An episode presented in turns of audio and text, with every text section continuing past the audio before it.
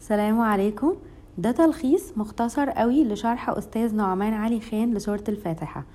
اللي حابب يسمع التفسيرات والشرح بتاعه موجود على البينة dot TV وفي على ال SoundCloud channel اسمها قرآن English تفسير. دي بيشرح فيها القرآن كله بس هو بيشرح بال English. فأنا هنقل باختصار قوي شوية أفكار من اللي بيقولها بشكل بسيط باللغة العامية. هو عامة شرحه بسيط وسهل وممتع يعني جدا. آه وبيرشح كمان كتب بسيطة زي ابن كثير وحاجات تانية للي حابب إن هو يقرأ. بسم الله الرحمن الرحيم. نبدأ بسورة الفاتحة. في علماء بيقولوا إن دي أول سورة تنزل كاملة على بعضها مرة واحدة. يعني أول آيات نزلت من القرآن كانت اقرأ باسم ربك الذي خلق. لكن لو هنتكلم على سورة نزلت كاملة ففي علماء بيقولوا إن هي كانت الفاتحة. ليه لما بنيجي نصلي ورا الإمام ساعات بيقول بسم الله الرحمن الرحيم بصوت عالي وبعدين يبدأ في سورة الفاتحة وفي ساعات إمام تاني بيقول البسملة في سره. ده لأن العلماء ليهم رأيين. في رأي بيقول إن هي البسملة أول آية من السورة يعني جزء من السورة وفي رأي تاني شايف إن هي مش جزء من سورة الفاتحة وإن الفاتحة بتبدأ بالحمد لله رب العالمين. النعمان رأيه إن الرأيين يعني ليهم احترامهم وفي علماء كتير عندهم آراء قوية في كل رأي فيهم. لكن هو بيميل أكتر لرأي إن الحمد لله رب العالمين هي أول آية وإن البسملة مش جزء من السورة. وده لأسباب نحوية ولغوية مختلفة وبسبب الحديث القدسي اللي بيتكلم على سورة الفاتحة. يعني إيه حديث قدسي؟ حديث قدسي يعني التعليم والمضمون والرسالة نفسها جاية من ربنا سبحانه وتعالى. لكن الصياغة والكلام ده من عند الرسول عليه الصلاة والسلام. طيب لو كان الكلام والصياغة والتعليم كمان من عند ربنا يبقى ده القرآن. طيب لو كان الكلام والتعليم والرسالة من الرسول ده الحديث النبوي الشريف. فلما بنيجي نقرأ في التفسير بتاع سورة الفاتحة في أي تفسير دايما لازم بنلاقي الحديث القدسي اللي بيتكلم عليها اللي هو قال الله عز وجل قسمت الصلاة بيني وبين عبدي نصفين فنصفها لي ونصفها لعبدي. إذا قال العبد الحمد لله رب العالمين قال الله سبحانه حمدني عبدي. والحديث بيكمل بعد كده على السورة. هو بيقول إن بما إنه اتقال في الأول الحمد لله فيبقى ممكن ده يعني يخليه يميل أكتر لرأي إن الحمد لله رب العالمين هي أول آية. يعني إيه بقى الحمد لله؟ الحمد هو عبارة عن حاجتين مع بعض تمجيد وشكر. يعني إيه تمجيد؟ تمجيد يعني ثناء مدح praising. شكر يعني شكر يعني thank you. الاتنين مع بعض يعملوا كلمة الحمد. لو مثلا شفت عربية حلوة BMW خطيرة بتقول wow فظيعة خطيرة البنات لو شفنا حاجة عجبتنا بنقول oh so cute كل ده نوع من المدح أو الثناء أو ال praising لكن مش منطقي إن أنا أروح أقول شكرا BMW أو شكرا للعربية مثلا. طيب فده فده كده جزء من المدح من غير الشكر. الشكر حد بيساعدك مثلا بتشكره مش شرط إن أنت تقعد تمدح فيه. لو جينا نشوف في قصة بتاعت سيدنا إبراهيم هنلاقي إن والده كان بيصنع تماثيل عنده business كبيرة قوي لتصنيع التماثيل الكفار. فما ينفعش إن هو يمدحه أو يثني عليه لكن ربنا كان بيقول انشكر لي ولوالديك. فحتى لو هم مش مؤمنين فكان برضه هو مطالب إنه يشكره لكن مش مطالب إن هو يمدحه. فده الفرق ما بين إن الشكر ليه أوقات والمدح ليه أوقات لكن الحمد لله بتجمع الاتنين مع بعض. طب ليه ربنا بيقول الحمد لله مش المدح والشكر لله؟ كذا سبب. أول حاجة إن خير الكلام ما قل ودل. فالحمد لله بتجمع الحاجتين بدل ما نقول المدح والشكر لله. في نفس الوقت لو قلت المدح والشكر لله معناها إن ساعات بيبقى فيه المدح وساعات بيبقى فيه الشكر. لكن كلمة الحمد معناها إن الحاجتين لازم يبقوا دايما مع بعض. السبب التاني إن المدح ممكن يبقى فيه حقيقي أو مخلص فعلا وممكن يعني إن هو يكون مثلا مدح للمدير علشان توصل لحاجة معينة. يعني مش دايما بيبقى فيه إخلاص ومش دايما بيبقى هي فعلا حقيقية يعني. لكن الحمد بيبقى المدح فيها دايما حقيقي. كمان المدح ممكن يبقى لحاجات كائنات حية أو ممكن تبقى الحاجات مش حية جماد عربية مثلا أي حاجة. لكن كلمة الحمد هي بتبقى للحاجات الحية بس وما فيهاش تملق وما فيهاش نفاق. الشكر كمان بيكون لغاية عملت رد فعل. يعني حد عمل لي حاجة معينة فأنا بشكره عليها. لكن الحمد مش محتاج يكون في فعل اتعمل وأنا بشكر عليه هو دايما موجود. الحمد مش فعل ما تقالش مثلا احمد الله ما تقالش مثلا أنا احمد الله لكن اتقالت في شكل اسم الحمد اللي هي بتبقى كلمة مطلقة مش متأيدة ولا بوقت ولا متأيدة بإن حد يعملها أو ما يعملهاش. هو الحمد لله هو دي حاجة دايما موجودة. ربنا قال الله مش أي اسم تاني من أسمائه أو صفاته زي العزيز أو الرحمن أو الرحيم لأن الله هي اسم اللفظ الجلالة اللي بيشمل كل الصفات دي. رب العالمين. رب بتشمل خمس صفات يعني المالك اللي بيملك إحنا مملوكين لربنا. السيد يعني إحنا العبيد هو بيدي الأوامر وإحنا بنطيع. المربي مربي يعني حد بيربي بيهتم باللي بيربيهم. المنعم يعني بينعم علينا بالنعم. والقيم القيم يعني اللي بيضمن الحياة أو بيضمن بقاء النعم. مع إن العلاقة ما بين السيد والعبد دايما ما بتبقاش فيها حب السيد بيبقى بيعاقب العبد بتاعه والعبد مش بيحبه لكن العلاقة ما بين ربنا وعبيده مختلفة تماما. العبيد بيحبوا ربنا وربنا بيكرمهم وبينعم عليهم والفكرة دي كتير من الملحدين بيبقى صعب عليهم إن هم يتقبلوها. بيبقى عندهم شوية كبر إن هم يقبلوا فكرة إن إحنا نبقى عبيد لربنا. العالمين العالمين مش يعني عالم عالم جمعها عوالم اللي هي بتمش بتشمل السماوات والأرض وكل حاجة في الكون لكن عالمين هي الناس والجن البشر والجن. لأن الصورة بتركز على العلاقة ما بين ربنا وما بين البشر أو الناس. كل الأجيال في كل المجموعات في كل الطوائف في كل الأوقات فالعلاقة ما بين ربنا والعالمين يعني ربنا والناس بما فيهم الجن كمان يعني. الرحمن الرحيم.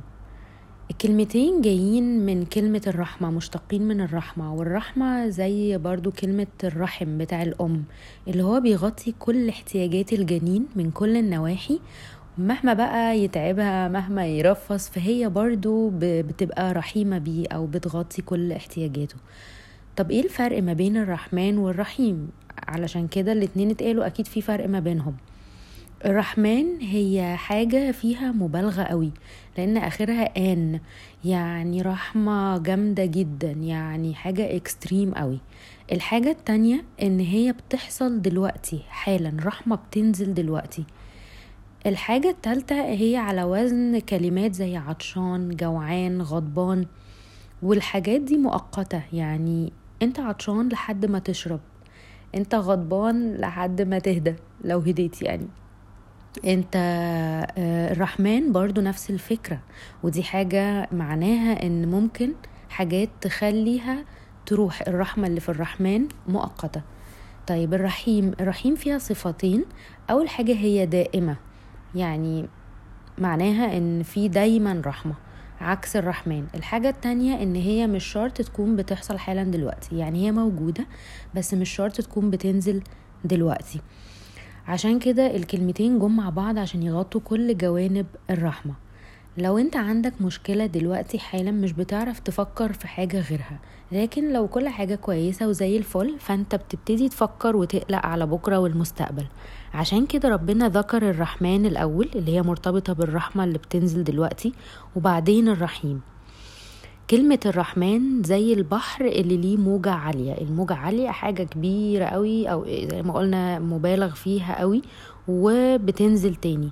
وكلمة رحيم عاملة زي البحر الهادي اللي ملوش نهاية. حاجة واسعة جدا لا يمكن تتخيل حدودها ولا أبعادها. بس تخيلوا لو في رحمة لوحدها كتير قوي وبالشكل ده. ممكن يحصل مشكلة كل ما هتقول لحد حاجة دي حرام هيقولك يا راجل ده ربنا رحيم هتستغل وإحنا كبشر هنستغل حاجة زي كده من غير أي حساب. زي بالظبط فكرة being too nice يعني ولله المثل الأعلى. فرحمة ربنا مش دايمة إلا لعبيده. عشان كده ابن عباس رضي الله عنه وأرضاه قال الرحمن دي لكل المخلوقات. لكن كلمة الرحيم هي بس لعباده المؤمنين. مالك يوم الدين.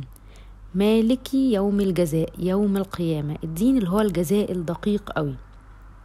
وفي بعض القراءات بتتقري فيها ملكي يوم الدين. الفرق بين مالك إن أنت بتملك حاجة بتملك شقة بتملك عربية يعني الحاجات اللي هي التفاصيل والحاجات الصغيرة.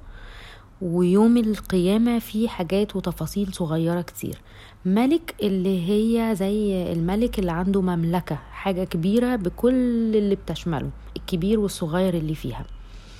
كلمة يوم موجودة علشان تقول إن ربنا مسؤول عن اليوم ده بكل اللي هيحصل فيه بكل التفاصيل اللي هتحصل فيه.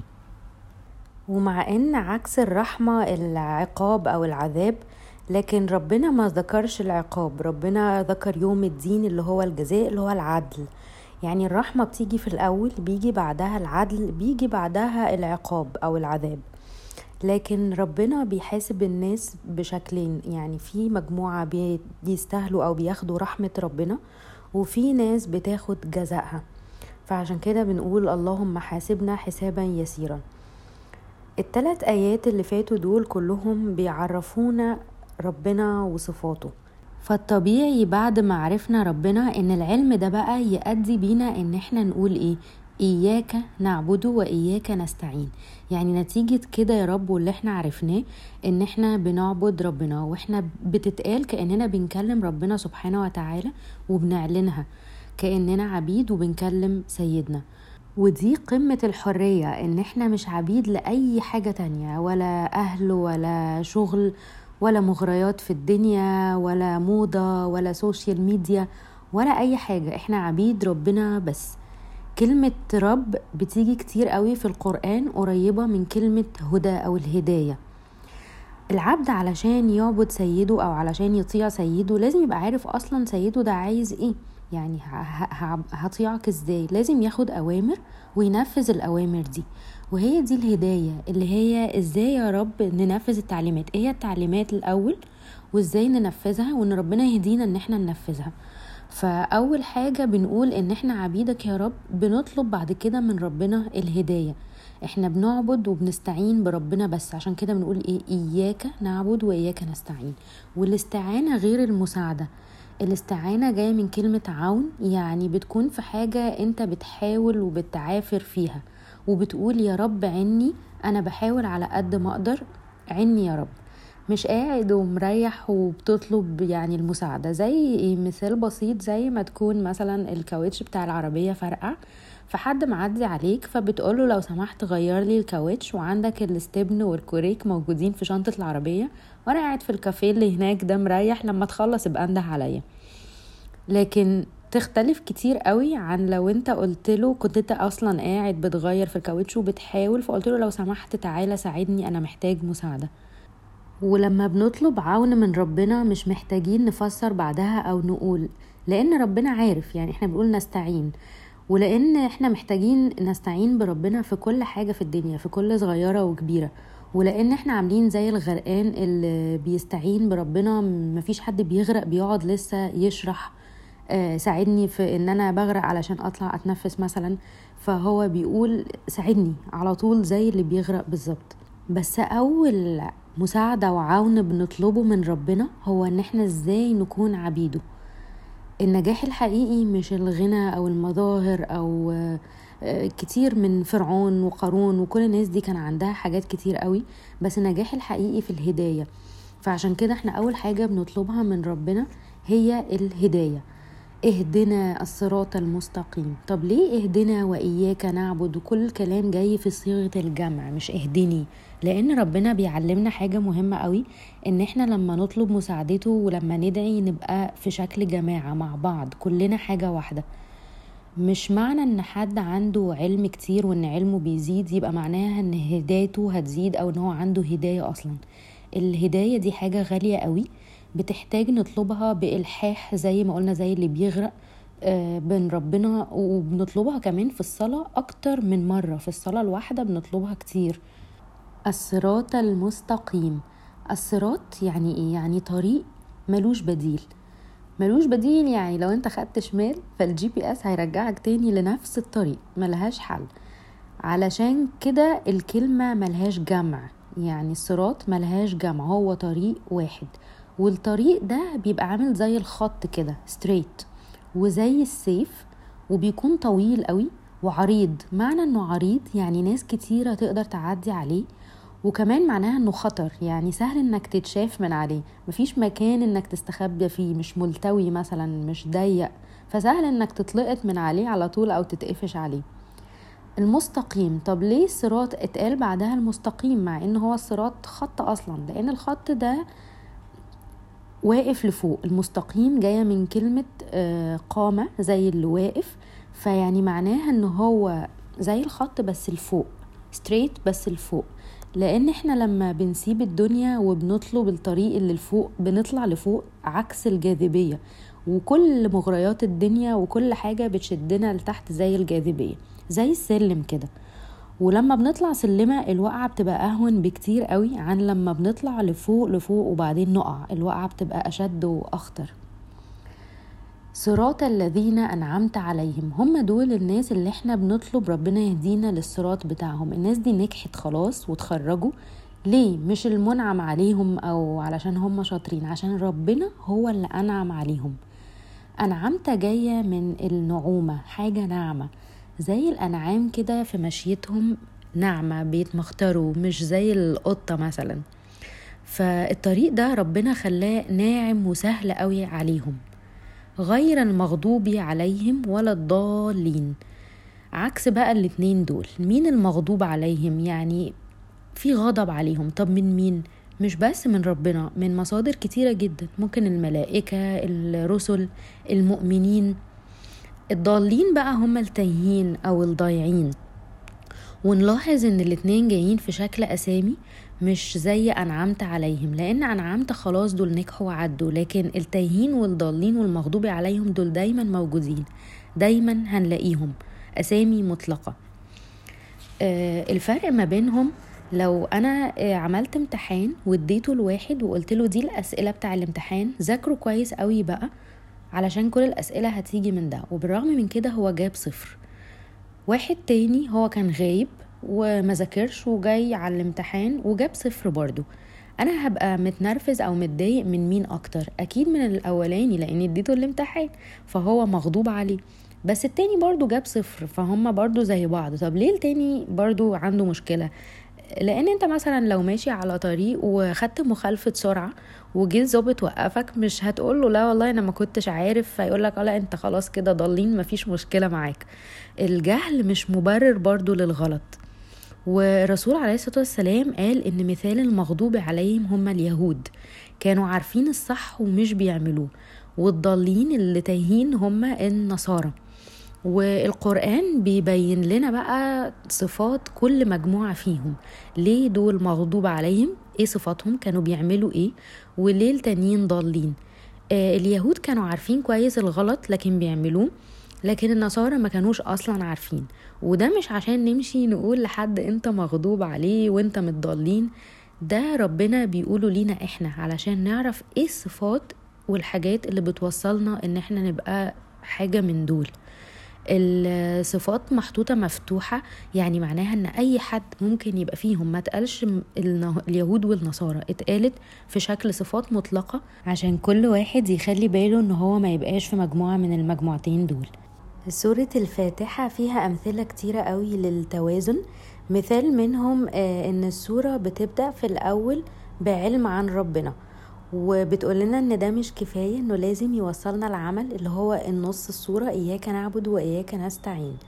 الجزء الأخير اللي هو بيتكلم على الطريق الهداية وده الموجه للعبد اللي هو يبقى على الطريق المستقيم. طريق الهداية علم وعمل وعدم الهداية نوعين. نوع زي ما قلنا علم من غير عمل غير المغضوب عليهم وعمل من غير علم ولا الضالين. الجزء اللي في النص ربنا اللي هو قال عليه في الحديث القدسي هذا بيني وبين عبدي والجزء الأولاني على ربنا وصفاته والجزء الأخير ده الهداية والكلام اللي للعبد